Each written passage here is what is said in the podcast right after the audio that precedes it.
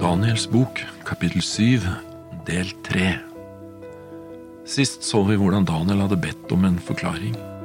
Når vi nå leser videre, så følger himmelens forklaring.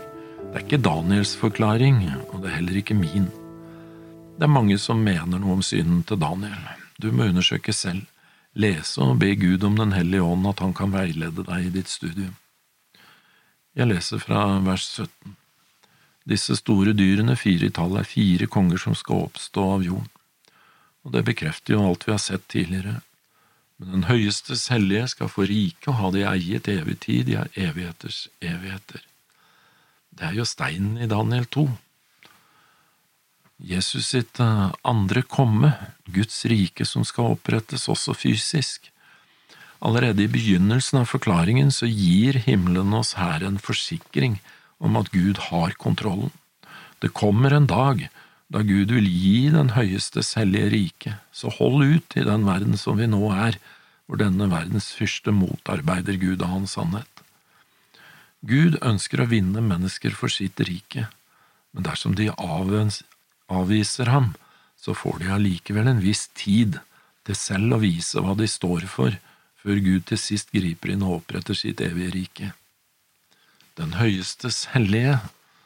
Jeg ønsker og jeg ber inderlig til Gud om at Han må gjøre oss til en av dem. De skal få ha Guds rike, ingenting kan ta det fra dem. Vers 19 Da ville jeg gjerne vite hva det fjerde dyret skulle bety, det som var annerledes enn de andre dyrene, et fryktelig dyr med tenner av jern. Det har med andre ord med seg noe fra jernrike Rom, klør av kobber og noe av det greske riket, og som åt og knuste det som ble til overs, tråkket det ned med føttene. Daniel forstår litt, jeg tror han forstår at de fire rikene er de samme som i statuen i kapittel to. Han spør ikke noe utdypende rundt løven og bjørnen og, og geparden. Det er det fjerde dyret som han gjerne vil vite noe om.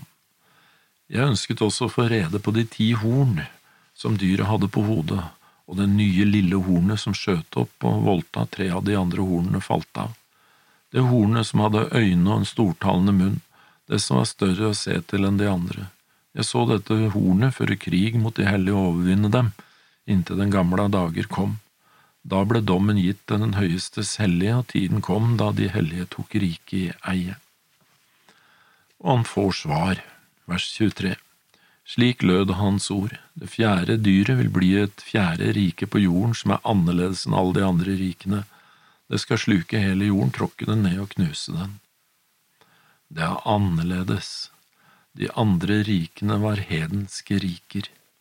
Rom hadde etter hvert også en religiøs, en kristen, side. I det neste verset får vi de første detaljene. De ti horn betyr at det av dette riket skal oppstå ti konger, og etter dem skal det oppstå en annen konge som skal være annerledes enn de foregående. Han skal underkue tre konger.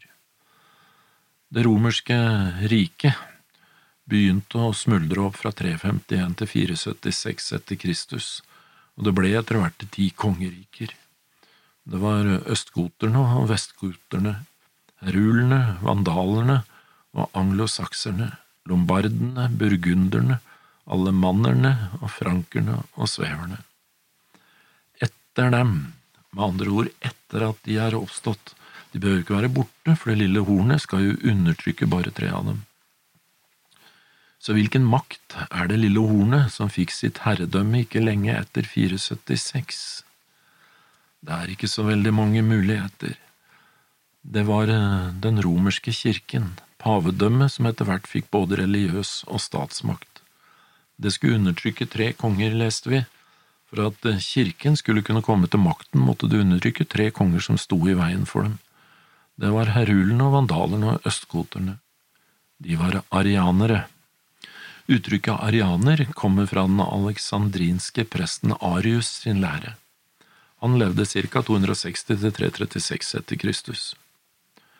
Arianismen lærte at Sønnen, altså Jesus Kristus, er et skapt vesen, den første og den høyeste av alle skapte vesener, men han er ikke guddommelig på lik linje med Faderen. De lærte at det har vært en tid da Guds sønn ennå ikke var. De mente at Faderen har skapt Sønnen av intet, og senere enn ved tidenes morgen. Selv om Sønnen er Faderens mest fullkomne verk, er det vesensforskjellig, og Guds sønn kalles sønn kun i samme forstand som menneskene kalles Guds folk. På samme vis er Den hellige ånd Faderens nest mest fullkomne skaperverk. Faderen er altså alene størst, og treenighetsbegrepet kan ikke brukes som Gud. Det så kirken på som en uh, trussel. Herulene holdt til midt i Nord-Italia, de sto alltid i Italia. Vandalene kom fra Vandalusia i Spania, de var fortrengt til Kartago i Nord-Afrika, de besatt sterk sjømakt og herjet og plyndret Rom flere ganger, rev blant annet av bronsetaket på Pantheon. Østgoterne holdt i det tidligere Jugoslavia, rett på andre siden av det smale Adriaterhavet. I Daniel kapittel syv er det ikke de tre hornene som måtte bort som er hovedpoenget, men det lille hornet. De tre bare et av kjennetegnene. De sto i veien. De måtte bort slik at eh, det skulle bli klart for Romerkirkens både religiøse og verslige makt. I forhold til det å få slik statsmakt startet det på mange måter i 508.